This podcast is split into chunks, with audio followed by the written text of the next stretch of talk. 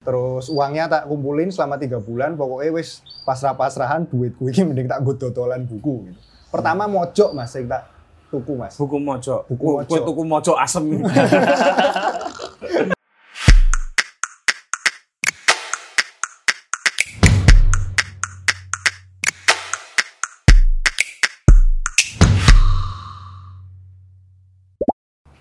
Halo teman-teman, ketemu lagi dengan saya Kepala Suku Mojo dan ini siang yang lumayan panas. sumuk Cerah tapi. tapi alhamdulillah cerah dan saya mendatangi dua striker literasi di Jogja. Andre dan Bagus. Kalau Bagus tuh aku ingat nama belakang Bagus Panuntun. Bagus panuntun. Eh, kalau Andre ini Andre tapi aku nggak mau bikin plesetan Taulani loh. Andrean Ilham.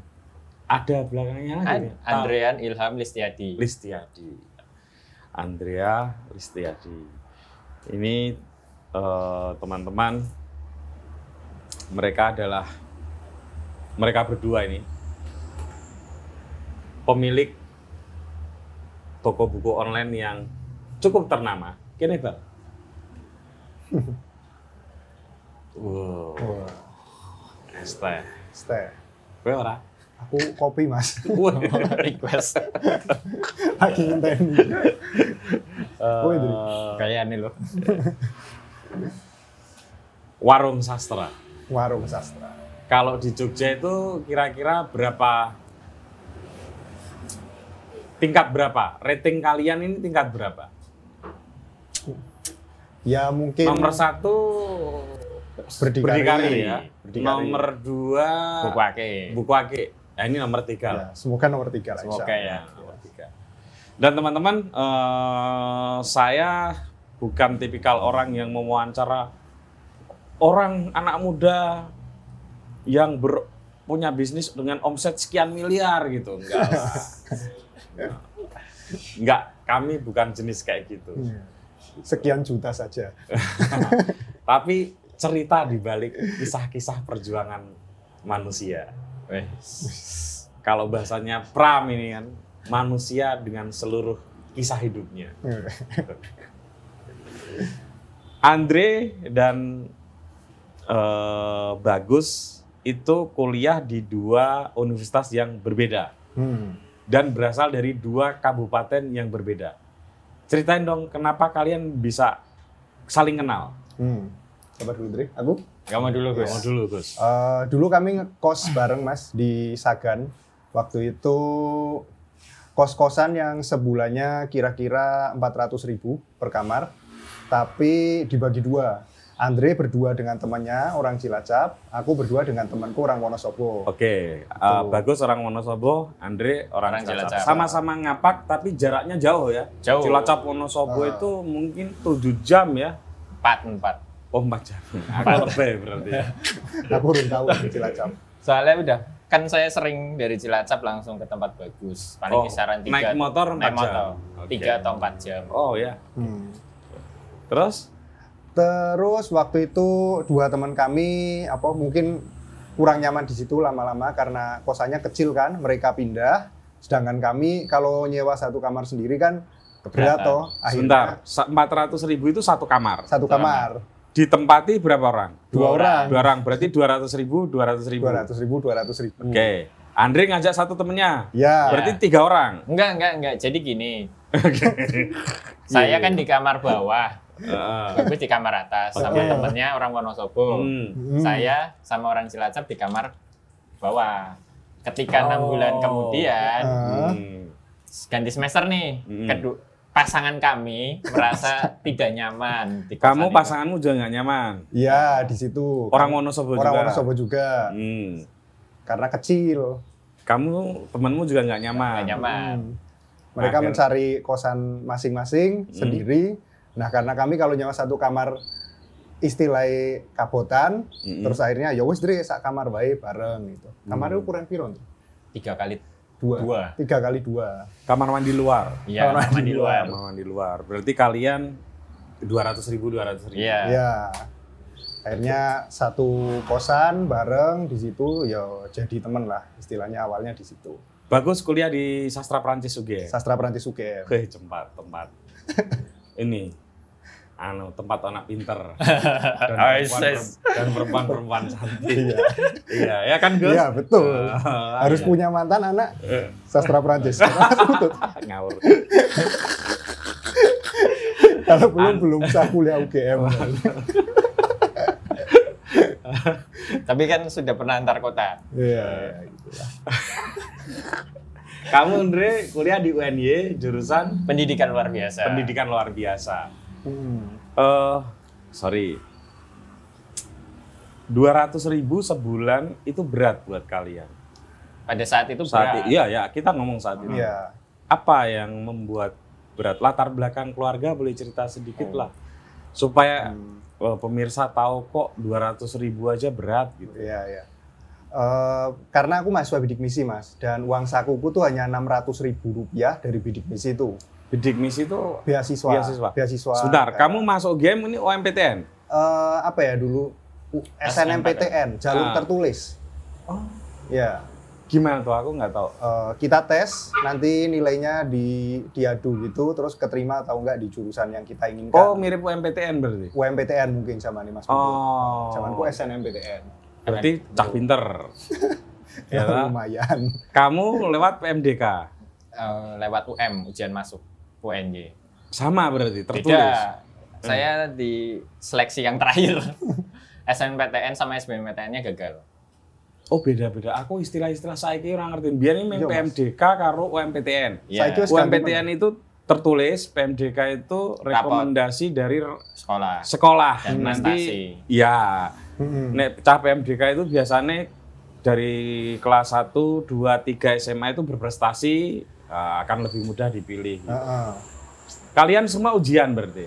Ujian. tulis. Ujian tulis. Ujian tulis. Ujian tulis. Berarti ya bagus, saya pinter. Di sono sastra Prancis, ujian tertulis. Ya UNY ya pinter. Ya, iya, iya, aku ya pinter. Tak belum kalah Iya, begitu. tak belum kalah. Oh, oh. Om jejeran kok. Pinter kok itu. Iya. Ya. Gitu, Mas. Kamu bidik misi itu beasiswa. Beasiswa Setelah kamu diterima. setelah diterima. Oh, oh enggak, dari pas awal pendaftaran itu udah didaftarin SMA aku buat masuk ke bidik misi. Hmm. Ter- karena di list kan Mas mahasiswa, ya apa Hmm. siswa yang sekiranya secara ekonomi kurang mampu lah istilahnya. Terus kemudian dapat bidik keterima, otomatis keterima bidik misinya sekalian. Jadi dari semester awal aku tuh udah bidik misi. Gitu. Kamu memang dari keluarga tidak mampu. Maaf ya. Iya, iya. Ya. Soko wajahmu kan kayaknya nggak mungkin gitu. Dan dia Oh, iya. ini loh S2 S2-nya di Perancis langsung loh. Nanti kita ngobrol itu. Iya, iya. Hah? Selalu gitu dikiranya wong sugih toh Mas. Nah, rupanya. iya. Tapi apa ya istilahnya SMA tuh aku nggak punya mimpi aku bisa kuliah di UGM mas. Dari dulu aku punya motivasi pingin yo pingin perbaiki ekonomi, tapi bayanganku tuh aku pingin banget jadi TKI neng luar negeri entah Jepang atau Korea. Aku merasa Wah, cocok. cuma- iya iya cocok toh. aku merasa cuma itu yang bisa memperbaiki hidupku. Tapi kemudian ya wis lah jajal daftar apa SNMPTN itu dan karena ada beasiswa bidik misi akhirnya aku daftar. Mungkin sedikit gambaran ya mas Iya. eh, gimana adikku tuh sekolah tiga tahun SMK nggak bisa bayar SPP sampai nggak bisa ambil ijazahnya baru dua tahun kemudian karena nggak pernah dibayar sama orang tua saya akhirnya sama sekolah Di- sekolahnya dibalikin aja ya gitulah kira-kira Iya. kayak gitu bayar SPP Ya kita apa? bisa ini ya teman-teman bisa gambarin. Kalau Andre kalau boleh tahu latar belakang Ya kurang lebih sama lah. kamu katanya dulu ya aku nggak tahu ini bluffing atau enggak.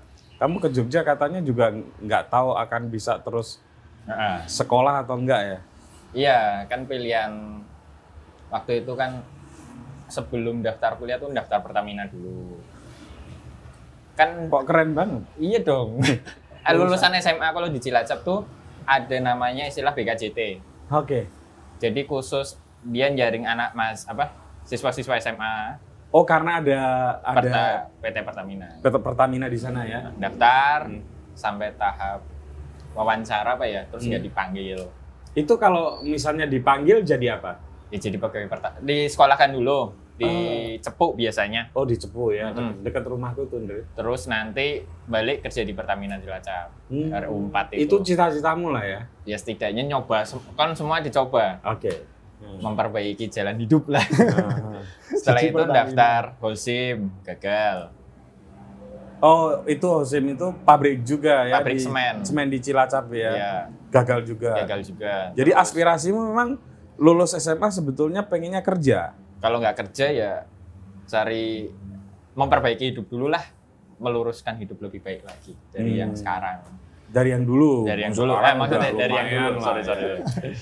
Nah terus nyoba SNPTN dulu tuh nggak daftar, nggak pernah ngelirik Jogja sama sekali malahan. Hmm. SNPTN daftar ITB gagal. Terus, oh saya tuh lulusan SMA IPA. Terbaik. Ya enggak. Ya terbaik kelihatan sih. lah pinter-pinter ini.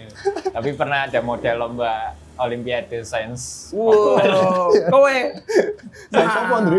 Sa kabupaten juara satu. Wih, baru tahu kan? baru tahu. Andre lu. Wah. Lu, Mas. Baru gue ITB nggak diterima. nggak terima ngambil teknik kimia. Waduh, ngam jupukmu ya kedul, Andre. Enggak, karena aku kalau mata pelajaran kimia itu bagiku gampang. Hmm. Formula-formulanya mudah diingat, ngeraciknya gini-gini. Iya. Formula One. Tapi jupukmu kok yo ITB teknik kimia. Karena kan itu salah satu in, apa universitas teknik terbaik di Indonesia. Oh iya. Jadi harus yang tinggi sekalian. Wow. Kalau yang tinggi nggak bisa baru turunin grade-nya. Eh, terus nggak diterima di ITB. Terus SBMPTN coba undip. Ambil Oh. teknik mesin. Nggak diterima Nggak juga. diterima. Hmm. Terus Ya, waktu itu cerita tuh sama ibu. Ibu bilang, unsut deh coba. Wah, Oh, Jenderal Sudirman. kan karena dekat. dekat Terus ya. Saya batin, masa diunsut? Nggak ada perkembangan apa-apa nanti. Karena Cilacap dengan Purwokerto Ah. dekat dia. Yaudah, terus akhirnya saya searching-searching, nemulah UNJ. Hmm. Ambillah pendidikan luar biasa yang Hmm. tak cari itu grade-nya paling rendah lah untuk Yang penting masuk. masuk dulu. Iya. Tadi tadinya juga ngajuin bidik misi, cuma nggak kesari. Akhirnya waktu di semester 2 dapat beasiswa PPA, peningkatan prestasi akademik. Oke. Berarti sebetulnya kehidupan kalian di Jogja ini baik-baik saja dong. Kan ada beasiswa. Hmm, baik-baik saja sih mas. Dalam artian ya pokoknya beasiswa segitu sebetulnya buat makan yo mepet lah kempot-kempotan. Tapi kami selalu 600 sambil kerja. 600 ribu untuk kos 200 ribu masih ada 400 ribu. 400 ribu. Itu satu tahun saja. Eh, Per bulan. per bulan segitu. Per bulan 600 ribu. Enggak sampai berapa tahun? bidik sampai empat tahun. Wow, Yo. Kamu dibiayai negara loh, Oh, iya. banyak protes loh kamu itu. sampai S2 ya. Iya mas aku anu, kalem terhadap negara. Kamu juga dapat beasiswa. Beasiswa, tapi besarannya berbeda. Berapa kalau kamu? Kalau aku 350 per bulan. Wah, kalau ini empot-empotan. buat kota. Tapi kan Hmm. suka bantuin dosen, terus suka ikut penelitian. Dapat lah ya. Sini tuh lolos Pimnas ya, Mas. Berarti kalian nggak sengsara-sengsara banget bro hidupnya. Sambil kerja mas soalnya. Kamu sambil kerja apa? Sambil kerja semua. Aku dulu sempat jadi staf humasnya Fakultas Ilmu Budaya UGM. Staf humas. Staf humas. Mahasiswa bisa. ya? Bisa. Caranya ada. gimana? Eh, orang dalam. Enggak sih, kebetulan yang apa ya dosen-dosen humas di situ apa ya memang dekat dengan saya tapi saya juga aktif organisasi kan dulu mas Ya BEM ya. Ya BEM lem dulu kalau Lem. lembaga eksekutif, Eksekutif mahasiswa mahasiswa. terus direkrut di situ ya lumayan lah ada tambahan terus semakin tua semester juga masih kerja kerja terus yang jadi apa penjaga rental kamera terus penjaga hostel dan lain-lain lah pokoknya harus sambil kerja karena kalau enggak 400 ribu buat makan tuh yo mepet juga lah Pasti ya. ya. Teman-teman bisa bayangin lah, ini kan baru enam tahunan yang lalu ya, iya 6 atau tujuh tahun yang Iya. lalu lah. Ya biaya hidup di Jogja ya standarnya kan kalau mahasiswa ya minimal satu juta lah ya. ya kira-kira lah Iya, untuk makan loh itu. Untuk makan. Hanya untuk makan ya. Eh, mahasiswa gitu. Kalau bayangin teman-teman bagus ini dengan uang sisa 400 ribu, Hmm. tentu harus berjuang lah untuk mendapatkan sisanya sekitar 600 Iya, ribu lagi ya. betul Kamu juga sempat kerja, Andre? Yo kerja. Kerja aku malah Lebih Romusa. Romusa sih. Gimana tuh? Nah, dulu setelah KKN PPL bantuin se SD setahun. Habis ngajar di SD nanti paginya, sore malamnya jaga warnet. Oh. Kuliah nggak terganggu? Kan waktu KKN PPL udah nggak ada te- apa teori. Iya, iya. Oh iya iya. Teorinya dikit. Aku kayaknya semester 6 dan teorinya dikit Hmm. banget. Nah, mulai jualan buku itu ceritanya gimana? Hmm. Kan kalian tadi ceritanya di kos akhirnya berkoalisi, dalam Berkoalisi. satu kamar. Ya, ya. Padahal nggak terlalu kenal ya. Awalnya nggak kenal sama sekali, tapi sejak iyo Oh, Iya, walaupun nggak, di nggak, tingkat atas dan bawah nggak kenal. Ya kenalan di kenalan saat itulah. Kami sama-sama baru datang, terus karena sama-sama ngapak kan mungkin ya. Oh. Jadi langsung deket. Ah, Iya, waktu itu sama-sama lagi beres-beres kamar lah ya ya. masih beres-beres di kamar. tempat kosnya Burini namanya. Semingguan lah baru akrab ya. Iya ya, semingguan Semingguan baru baru ada. Terus akhirnya satu kamar makin akrab. Ya makin akrab. Makin akrab. Gitu. Kamu belum memutuskan untuk bisnis buku nih. belum mas, itu lama kemudian. Iya. Jadi gimana tuh? Ceritain dong. eh, aku kan beasiswa bidik misi 4 tahun. Iya. Aku 4 tahun belum lulus waktu itu. Oke. Iya, jadi semester 9 itu udah nggak dapat beasiswa bidik misi. Cuman gini, apa? Kuliahnya tetap gratis, nggak bayar, nggak bayar apa sih istilah SPP lah. SPP. Iya, SPP.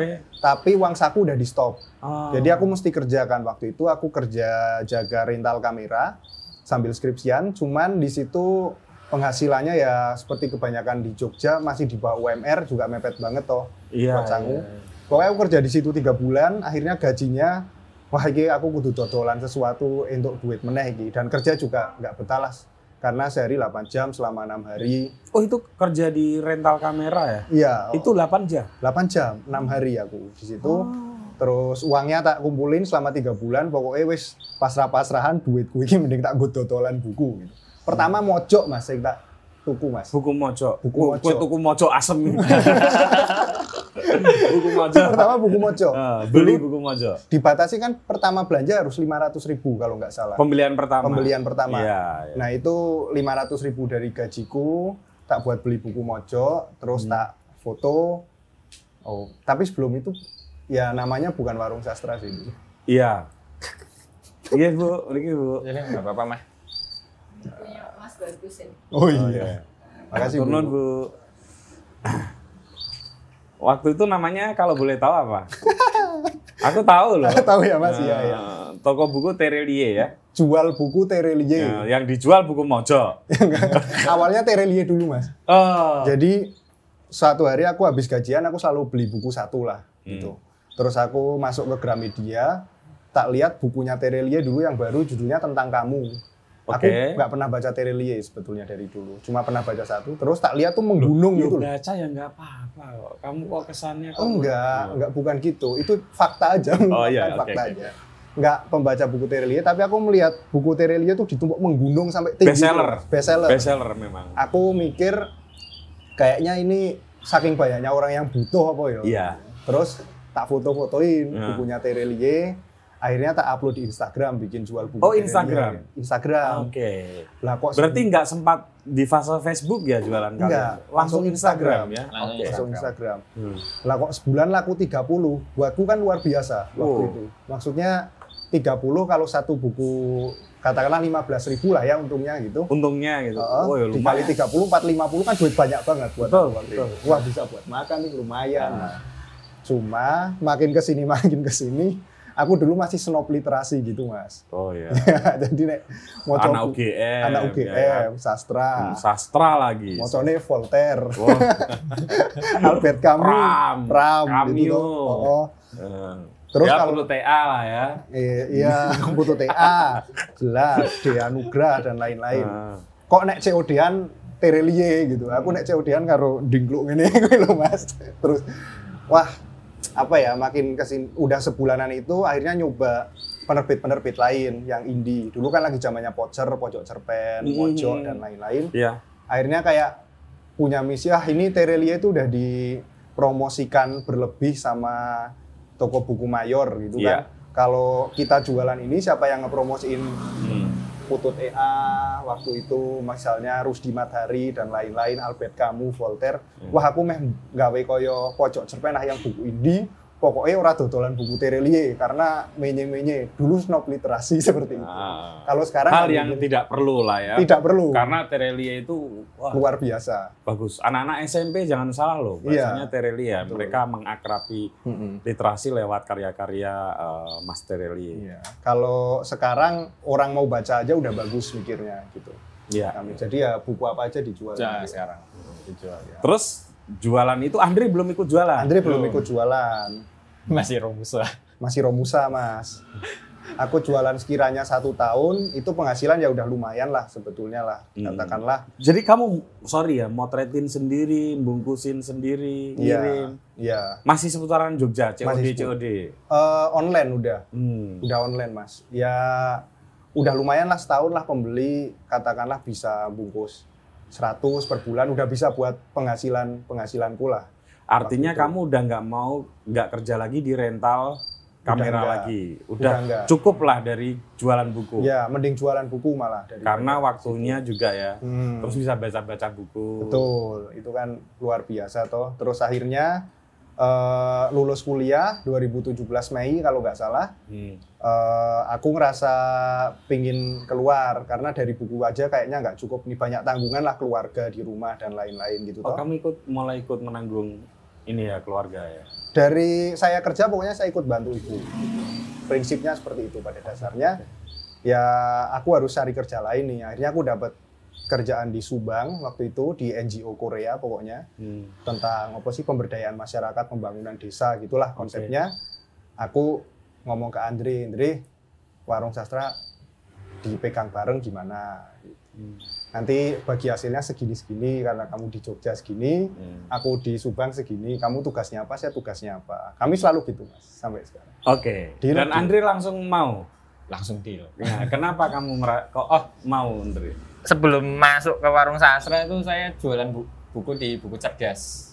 Iya. Kamu juga jualan buku juga? Eh, di, akan curhat tuh sama Bagus Gus buat nambah-nambah penghasilan apa ya. Terus Bagus ternyata udah punya akun buku cerdas. Pasrahin. Oh, kamu Tak buka minta. beberapa akun. buku cerdas, Buku cerdas. Selain bu- jual buku Terelie, kamu punya akun jual buku cerdas. jual buku Terelie cuma satu bulan. Hmm. Habis itu langsung ganti, nemu nama warung sastra, udah. Jadi selama setahun itu tuh jual buku Terelie cuma di awal, terus warung sastra, terus sambil jalan bikin aku namanya buku cerdas yang pikirku sih banyak yang minat daftar PNS, Thomas. Oh, khusus untuk melayani buku-buku PNS. Buku pelajaran. Ya, buku pelajaran lah ya. Iya.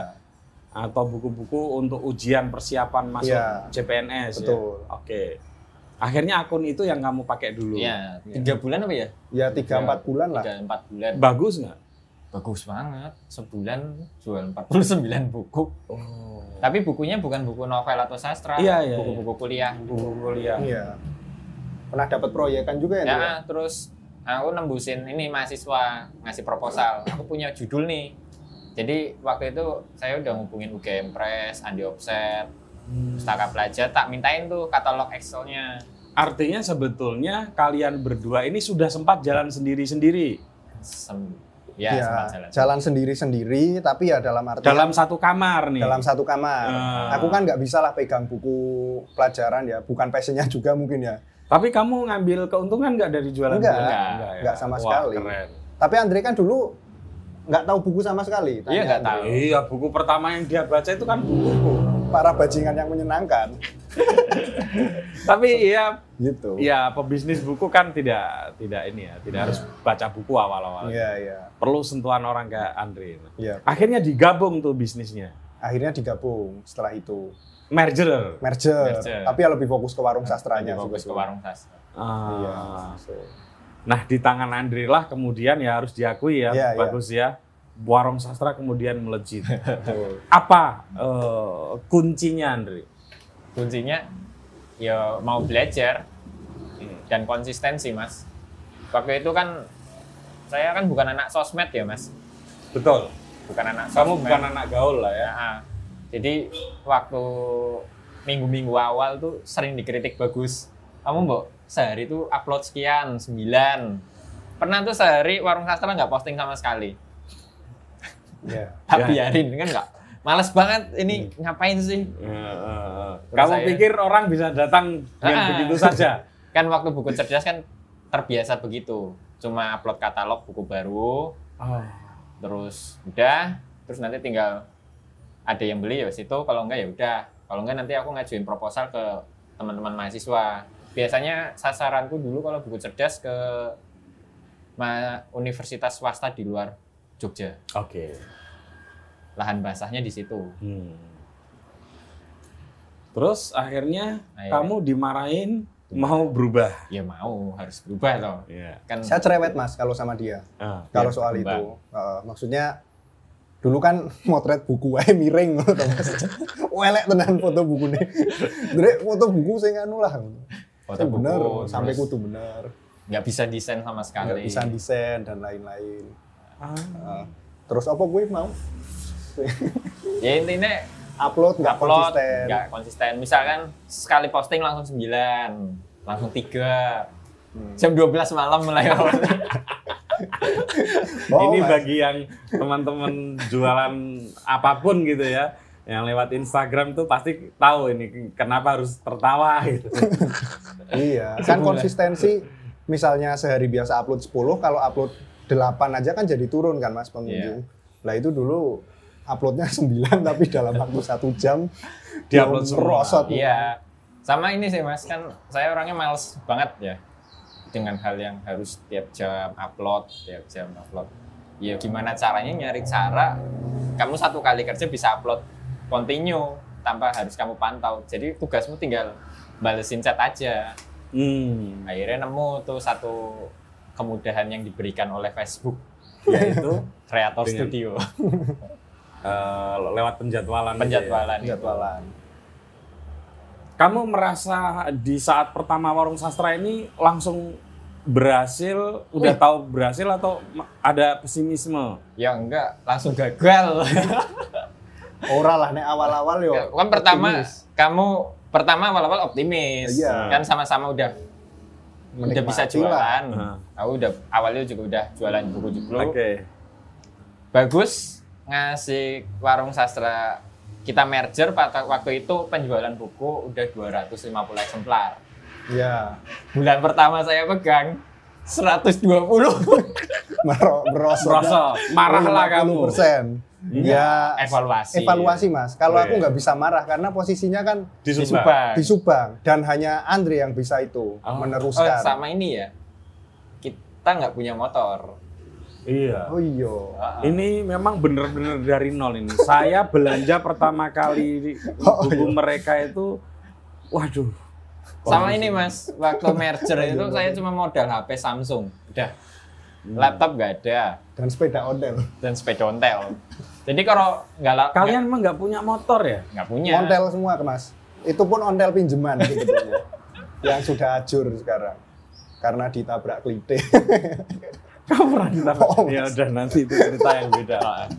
Jadi dengan Mas Ali modal guyu. sepeda, Sama ontel HP. sama HP Samsung, aku tahu bahkan HP-nya itu bener-bener Samsung yang lama banget, yang ngadatan, Iya ngadet banget itu. fotonya juga kalau untuk motret kualitasnya nggak bagus. Kualitas nggak bagus. Oh waktu itu sama model pinjem kamera temen itu, Iya. belum dibalikin sampai sekarang. Jadi ini. yang yang minjemin Andre silakan ditagih. Terima jadi kasih, itu-. Tiap hari bawa kamera ke toko tuh, tugasnya motoretin. Nanti tuh nyari space di toko tersebut sampai penjaganya tuh apal. Oh kamu Oh. ya mas, nanti tuh tak taruhin di keranjang bukunya, Ya. tak bawa Ini tokonya kita sebut aja ya. toga mas. Toga Mas. ya. Toga Mas. Toga Mas tuh cukup membantu lah. Toga mas waktu orang Iya. dulu ya waktu itu. Iya. Terus tak fotoin, langsung tak fotoin 60 buku pakai itu. Rando isi nanti. Wah, bodo amat. langsung Dari awal fotoin. gitu.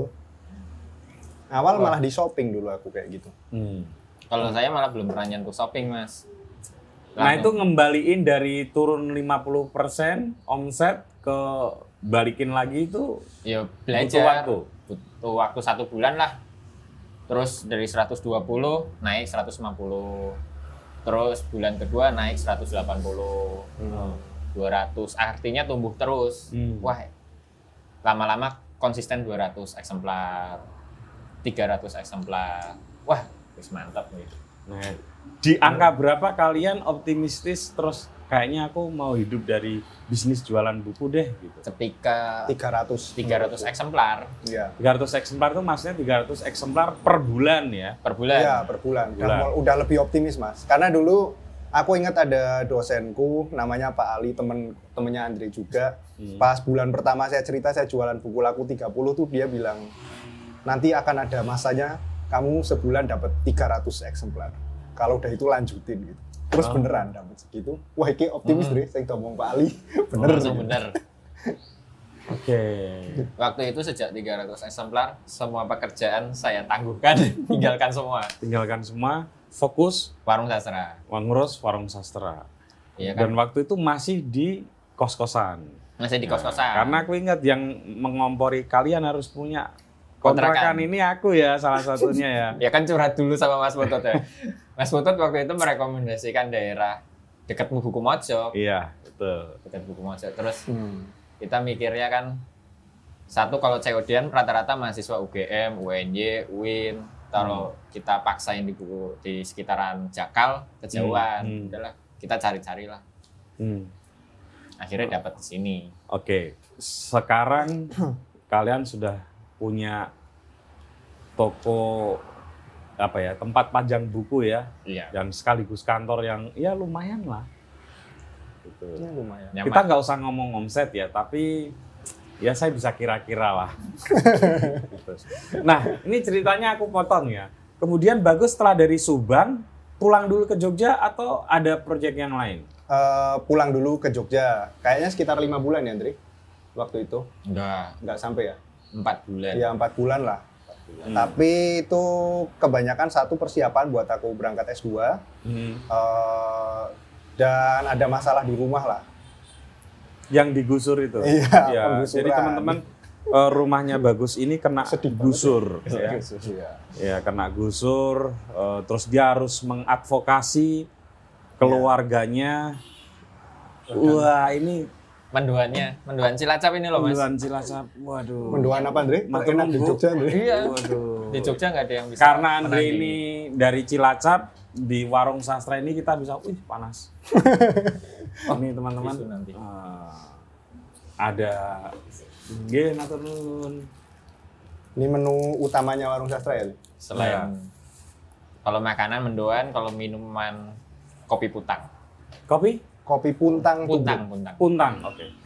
Nah, balik lagi tadi ke apa? Ke Bagus. Bagus itu keluarganya dan beberapa tetangganya ya, ada berapa pun? 31 kakak, Mas. 31 kakak itu kena penggusuran dan dia harus mengadvokasi. Wah, ini aktivis lah. Jadi ya alhamdulillah banyak dibantu teman-teman aktivis lain ya, Gus Oh, ya. luar biasa banyak dibantu, Hmm. terutama dari LBH Jogja waktu itu LBH Jogja. eh, ngebantu, terus beberapa teman-teman aktivis lah dari Hmm. Kejayaan Memanggil dan lain sebagainya. Iya, jadi Yang bagus ini sekalipun dapat bidik misi tapi vokal orangnya. tapi ya oke Hati-hati. itu memang ya haruslah masa terus Iya dapat beasiswa ya itu kan uang rakyat juga. Uang rakyat. Iya. Oh. Dan kamu berhak, Berhak. dari keluarga yang tidak mampu kan. Iya, mewakili diri sendiri, Mas. Iya, masa hanya karena itu terus tidak vokal. Iya, Tapi salah sendiri. akhirnya kamu harus tinggalin lagi Andre. Harus tinggalin lagi. Andre, padahal baru di sini Andre sebulan itu lumayan banyak progres Ya, waktu lumayan itu, progres. terasa progresnya. Kalau kita bareng tuh selalu ada progres. Nek kerja bareng. Bila lah ada penggusuran. Hmm. Ada penggusuran tiba-tiba.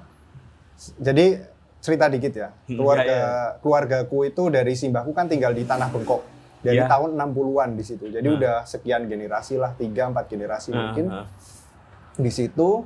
Terus tiba-tiba ada berita bahwa di situ akan dibangun SMK Hmm. di tempatku 31 kakak harus pergi dalam waktu satu bulan gitu Hmm. tanpa ada ganti rugi dan lain sebagainya. Terus Iya. akhirnya kebetulan saya waktu itu udah di sini ngomong Andre, Andre temenin ke LBH Jogja gitu. Akhirnya ke sana dibantu teman-teman LBH diminta langsung ke Semarang ke Dinas Pendidikan minta ngirim surat intinya bahwa benar nggak sih akan ada pembangunan SMK di tanah ini Tanah itu. gitu. Karena kalau memang ada ya mungkin nanti kami bakalan eh, diskusi lebih lanjut katakanlah ada ganti rugi gitu ya Mas. eh, ganti untung. ganti untung apa ganti rugi? Iya. Ternyata tidak ada pembangunan SMK di situ. Itu balasan langsung dari Dinas Pendidikan Jawa Tengah. Hmm. Gitu. Nah, terus ya kemudian kami melakukan apa ya advokasi dan perlawanan lah istilahnya. Karena aku sendiri sangat tidak percaya pada kalimat eh, pembangunan itu membutuhkan pengorbanan atau pembangunan membutuhkan korban. Bagiku ketika ada pembangunan itu bukan harus ada yang dikorbankan, tapi harus ada yang dimuliakan gitu loh, Mas. Iya toh, Mas? Iya. Ya kalau memang ada orang mau digusur jadi jalan tol, jadi bandara ya jangan dikorbankan, dimuliakan mereka. Katakanlah dikasih ganti rugi yang yang Cukup, ya, diwongke. dan sama-sama senang lah iya ya. itu di mana pun berada harusnya gitu harusnya prinsipnya. begitu oke Akhirnya ya diadvokasi, ya sampai sekarang alhamdulillah rumah saya masih di sana sih mas. Jadi dalam dua tahun ini 31 war kakak itu sudah mempersiapkan lah istilahnya aku harus apa setelah ini Iya. karena aku kan tinggal di tanah yang tanpa sertifikat resmi Betul. tanah bengkok. Udah nggak sesok dulu waktu awal-awal dapat berita itu. setidaknya dengan eh, apa ya mendelay itu semua warga bisa punya persiapan ya Punya persiapan. nah ditinggal terus akhirnya termasuk ditinggal kuliah di Prancis. Prancis kamu ditinggal-tinggal kayak gitu ini enggak Andre merasa kok aku sendirian Oh enggak. Bahagia aja. Seneng deh mas. Kenapa? Penghasilannya nambah. Persenannya tinggi. Persenannya Oh, lebih tinggi. persenannya lebih tinggi. Ya udah kamu suruh aja dia. ya kan ini tak doain semoga dapat S3 gitu kan. Jaga waktunya jadi lama. Kami itu nganu kok mas, sosialis ya. Iya. iya iya iya iya paham. Kalau mau ada apa-apa selalu ngomong, iki meh piye, kerjamu apa, kerjaku apa, deal, gajine kowe sepiro, aku sepiro, deal ya udah deal, jalan itu. Intinya ya kesepakatan bersama. Kesepakatan bersama. enak Enak. Ya, jelas. Enak guys. datang ke warung sastra. Alamatnya bisa di googling.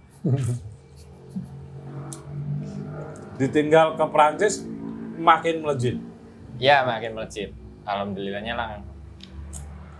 Makin Sempat menyentuh sebelum tutup tahun 2020 sempat menyentuh 500 eksemplar.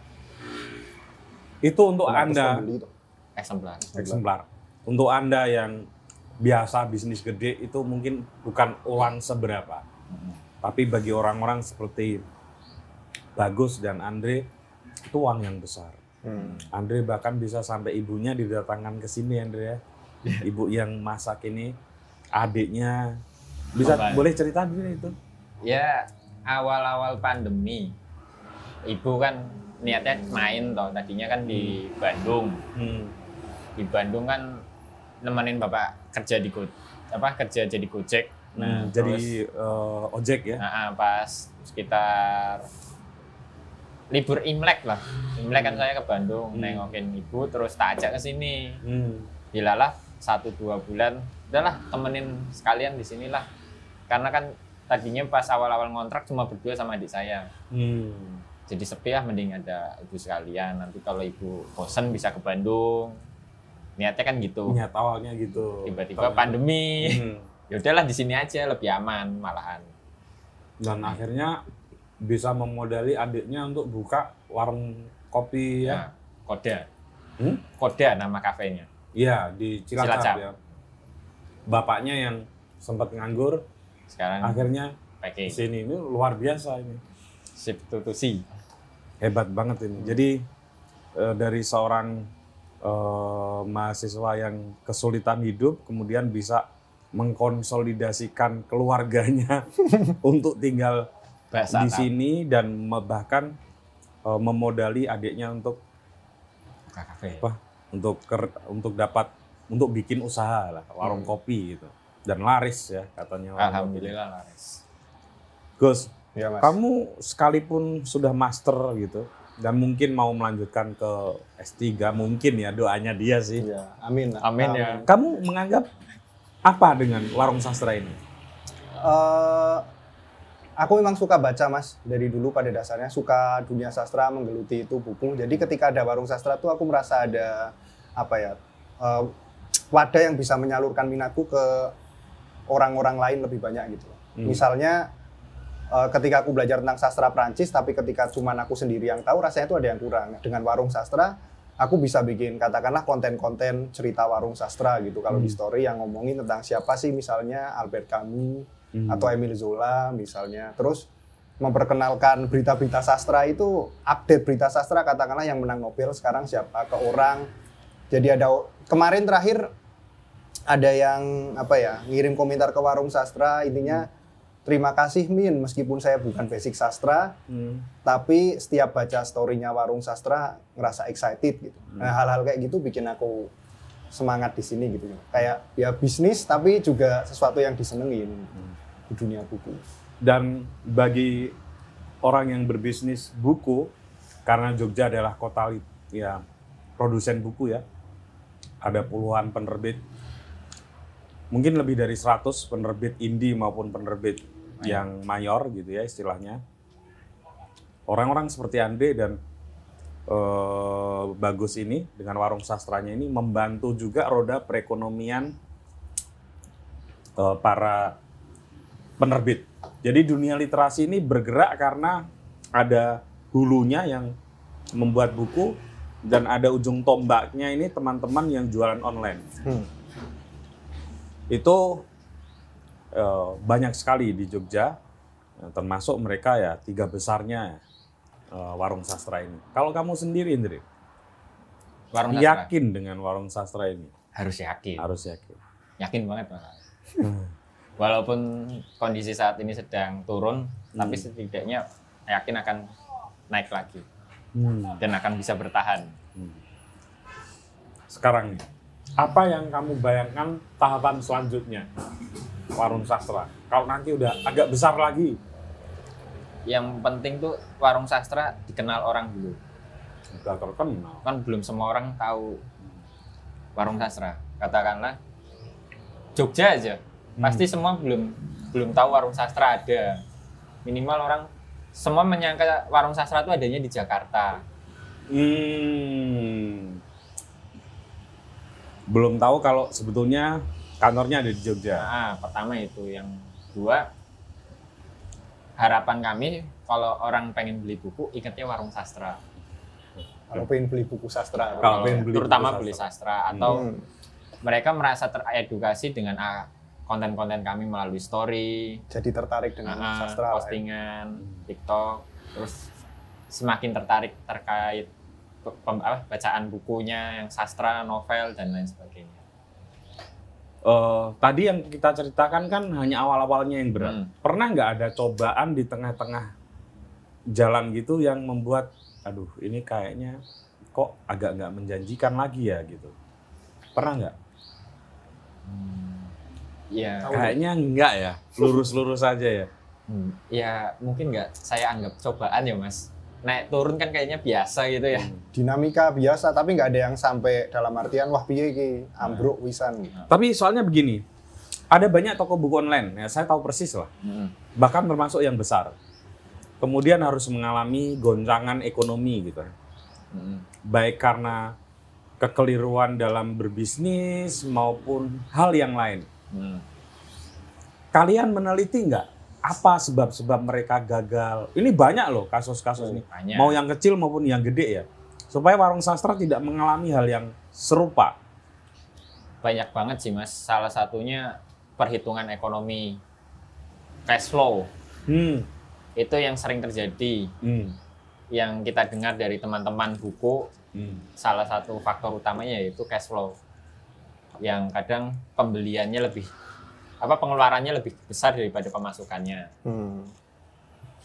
Kami Sama inovasi yang yang kurang. Hmm. Gimana Gus? eh, kami tuh ka- meskipun waktu saya di Prancis, Andre di sini, katakanlah tiap minggu selalu ngobrolin tentang warung sastra, Mas.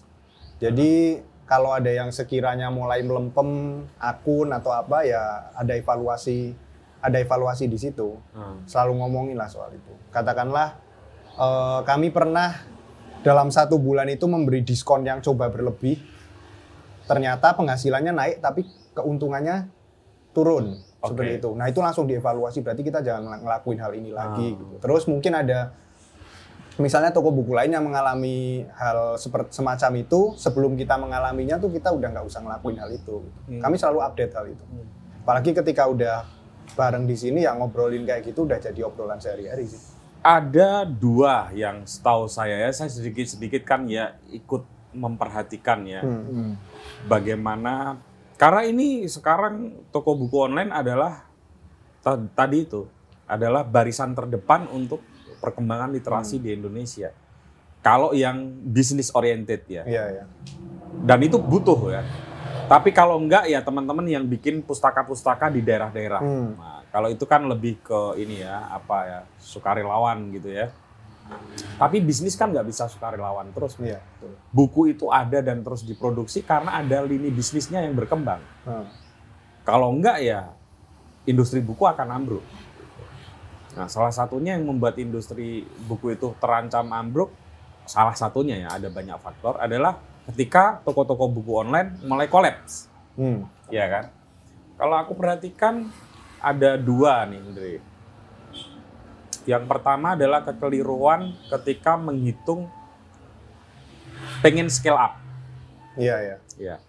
Jadi misalnya punya stok buku, let's say stok bukumu sekarang berapa?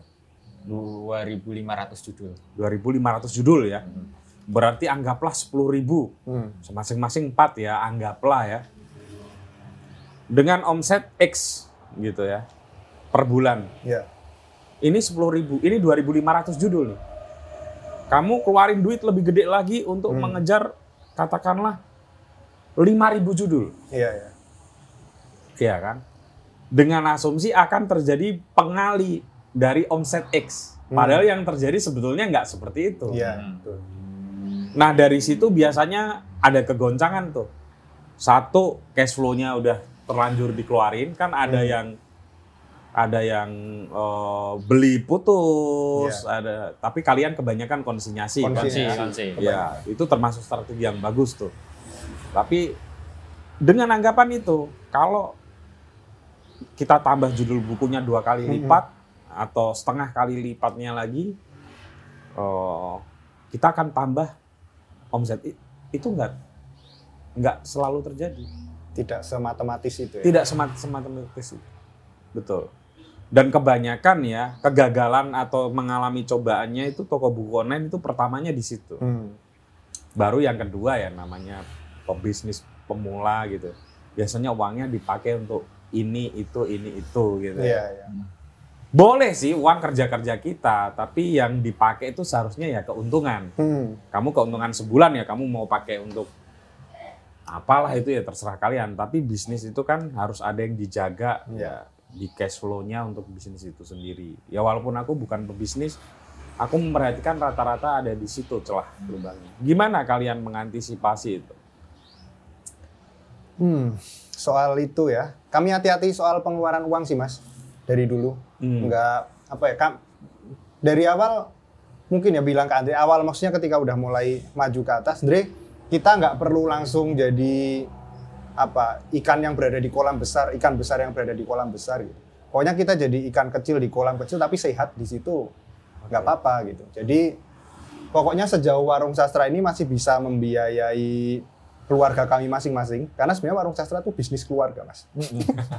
Jadi sekarang yang bantu ini selain keluarganya Andre, tadinya adiknya Andre, adik saya Oh. juga kerja di warung sastra. Sekarang Iya. Iya. Di sini. Enggak, Enggak, enggak. dari Wonosobo yang Ah. ngedesain. Adik saya dan istrinya. Wah. Ya, jadi gitu. Itu keren loh. Iya, Nggak usah merasa keluarga. ini. Heeh. Gitu. Ya siapa yang harus kita berdayakan dulu kan? Keluarga, Keluarga teman-teman dekat. Iya. Nggak usah mikir Indonesia dulu bro. Betul, Bro. Keluarga sih, Bro. Keluarga Keluar, dulu. Iya. Gitu. Selama bisa mencukupi orang-orang itu, terus kami masih bisa nabung buat buat kami berdua gitulah. Yo nabung-nabung piro tuh? Sejuta, dua juta. UMR Jogja lah, ya, Ya. lebih lah ya, katakanlah. Banyak lah untuk Tidak persiapan perlu, nanti Iya, menikah ya. Itu ya udah nggak apa-apa gitu. Karena apa ya? Sebetulnya dari dulu kita nggak mengimajinasikan hidup sampai di titik ini, Mas. Betul. Kalau dulu pas kuliah ya mikirnya lulus kita bisa kerja yang penting bisa buat makan aja gitu. Nggak nggak ada kerja passion bisa baca buku sambil kerja dan lain-lain. Jadi apa yang udah kita dapat hari ini tuh sebetulnya udah melebihi ekspektasi gitu loh. Jadi kami nggak yang langsung pingin cita-cita muluk-muluk katakanlah warung sastra buka lima cabang dan lain-lain. Kalau baru bisa satu cabang ini, tapi kita cukup dan bisa menghidupi kita, ya mending fokus di situ. Gitu. Iya. Iya. Kayaknya kita sekarang ini di era pandemi mesti harus banyak paradigma semacam ini, Bu. Kecil tapi sehat. Kecil tapi sehat. Ya. Kecil tapi semua terukur dan tidak membuat kita stres. Iya. Gitu. Saya cukup beruntung misalnya kayak di Mojo ini krunya juga nggak banyak. Sehingga kalau ada apa-apa itu saya sebagai pimpinan yang paling bertanggung jawab ya itu ngerti resiko-resikonya. Terukur, resikonya itu terukur.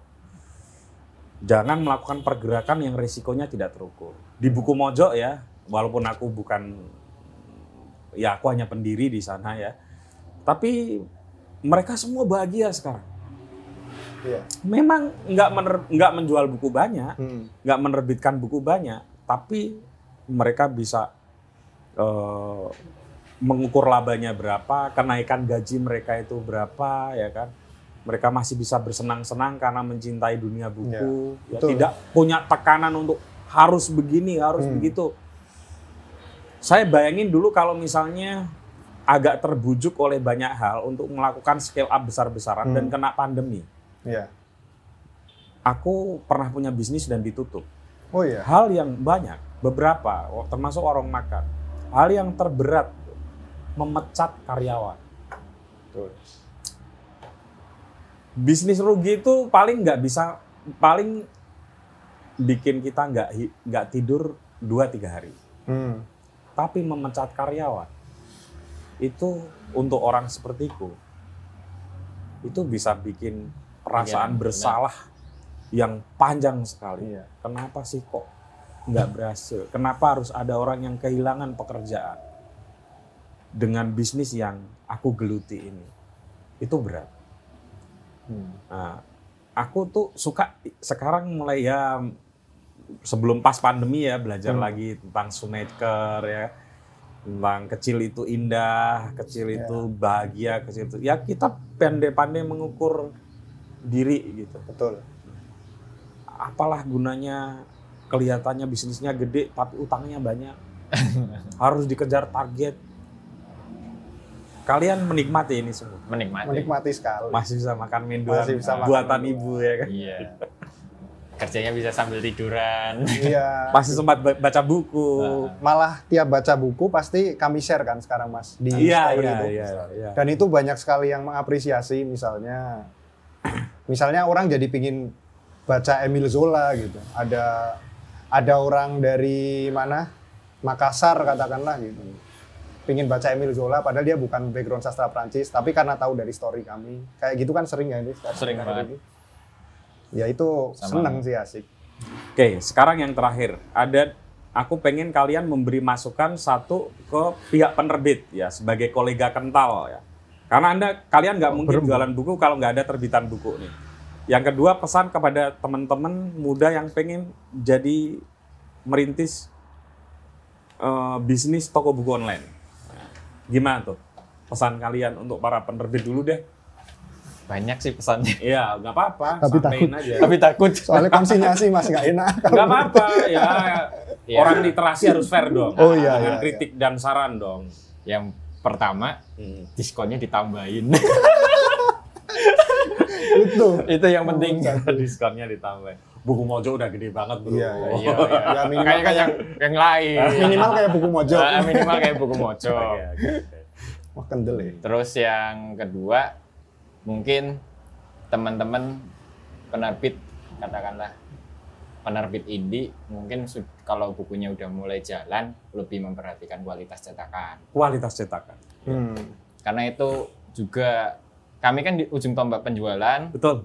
selalu dapat komplain misalkan kuali buku ini buku bajakan ya min padahal kita nggak ngambil langsung dari penerbit dan Dapat bintang satu di dapat Shopee, bintang kadang satu. nyesek juga ya. Aduh. nyesek Dan itu Gara-gara beberapa kali. dikira itu bajakan. bajakan. Padahal buku di Padahal kualitasnya memang. Betul. kualitasnya. Berapa gitu.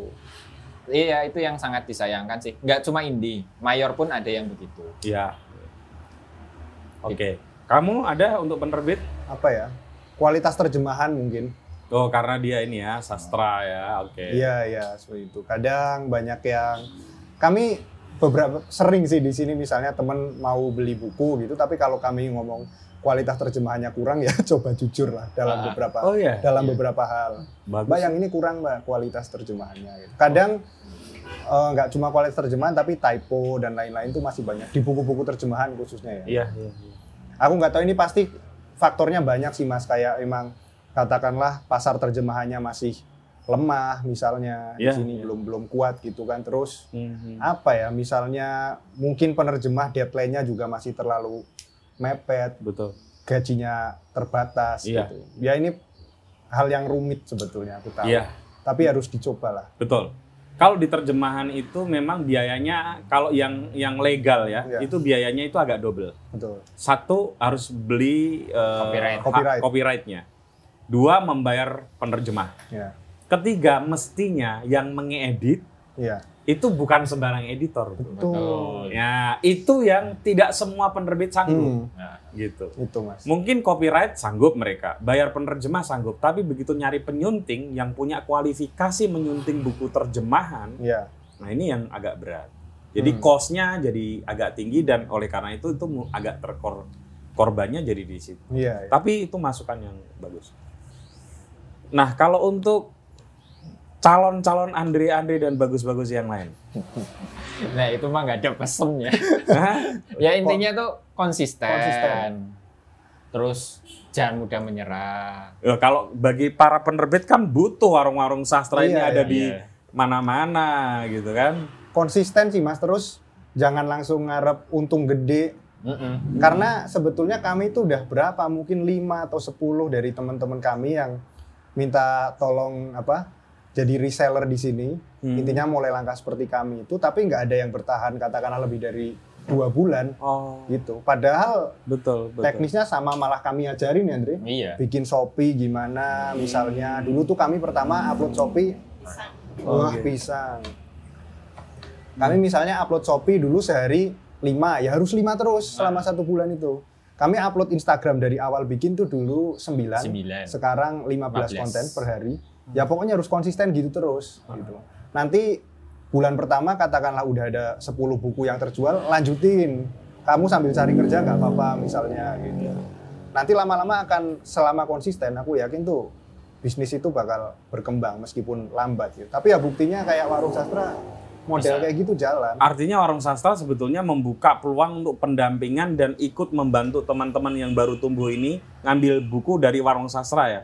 Ya belum sih. Dulu- Maksudnya ngasih saran. ngasih saran Hmm. teman-teman deket sih mas biasanya Hmm. Karena kalau buka reseller belum kemarin karena cuma ada Andre di sini juga kan kami nggak sanggup apa ya istilahnya Oh, ngehandle benar. sekian banyak reseller gitu kan. Tapi untuk teman-teman deket yang kami kenal baik gitulah itu beberapa udah pernah kami Dampingi. dampingi Oh. di situ nggak cuma satu dua itu Tapi rata-rata gagal karena Gagal kuat. semua malah. gagal semua bukan Gagal rata-rata. Gagal semua. Semua gagal Iya, semua. aku kadang heran, opo susah upload limo, ngono kan Iya. itu nggak sampai satu jam gitu. Betul, Ah, betul, betul.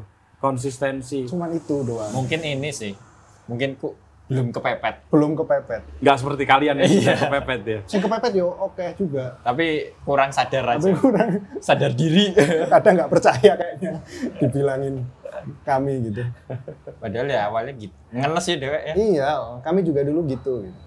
Itu sih Mas. Ya kalau mau aku kira nggak hanya di buku ya. Semua kayak gitu di di semuanya lah. Kalau ilmu mah banyak di YouTube sekarang tinggal Searching. searching terus dicari. Kalau nemu satu yang menurut kita bagus ya udah lakuin gitu. Iya, iya, iya. Oh, berarti kalian sempat mendampingi beberapa reseller Teman-teman. teman-teman Teman-teman. Teman dekat.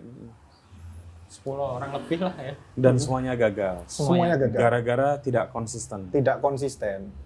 Kan nggak mungkin bulan pertama langsung dapat katakanlah Sejuta. sejuta setengah bersih gitu Nggak mungkin. bisa. Nggak Ini bisa. bisa. nyewa kayak gini Andre dan Bagus tuh butuh waktu 3 4 tahun. empat tahun loh. empat tahun. Saya itu bahkan teman-teman tahu persis Andre itu mau beli HP second aja mikir. Iya. Beli sepeda motor second aja mikir. Mikir. Tapi kan bertingkat dari mulai Ah. beli Iya. HP second jadi mau Ah, beli motor saya. Ya sekarang tabungannya udah lumayan banyak ya. Udah ya semoga sukses lah. Ya Mas Amin. Putut. Amin. Dan ini contoh partneran yang menarik karena saling menguntungkan. Saling menguntungkan. Saling menguntungkan. Oh satu mas yang paling penting ini kejujuran mas. Kejujuran. kejujuran. kejujuran. Karena sebetulnya Andre kan tak tinggal di sini. Kalau dia mau katakanlah sehari memanipulasi Dua buku aja? dua buku aja, Hmm. dua pesanan aja, Hmm. itu dikumpulin sebulan kan lumayan. Banyak. Banyak toh. Hmm. Tapi enggak enggak ada kayak gitu. Orang nonton sih. Mbak. Enggak lah, aku Enggak. tahu persisan. Persis- Andre itu tahu mending persis. dia minta sahamnya lebih gede Iya. daripada dia kayak gitu. Betul. gitu. Ya kan, Andre? Yo, iya. Oke, teman-teman, Wah, kami harus segera menikmati makanan ini. Jadi kita hentikan bukan karena waktu, tapi ini ada sajian yang harus kami nikmati. Dan sampai ketemu dengan tamu saya selanjutnya. Makasih, Bro. Sama-sama. Sama sama.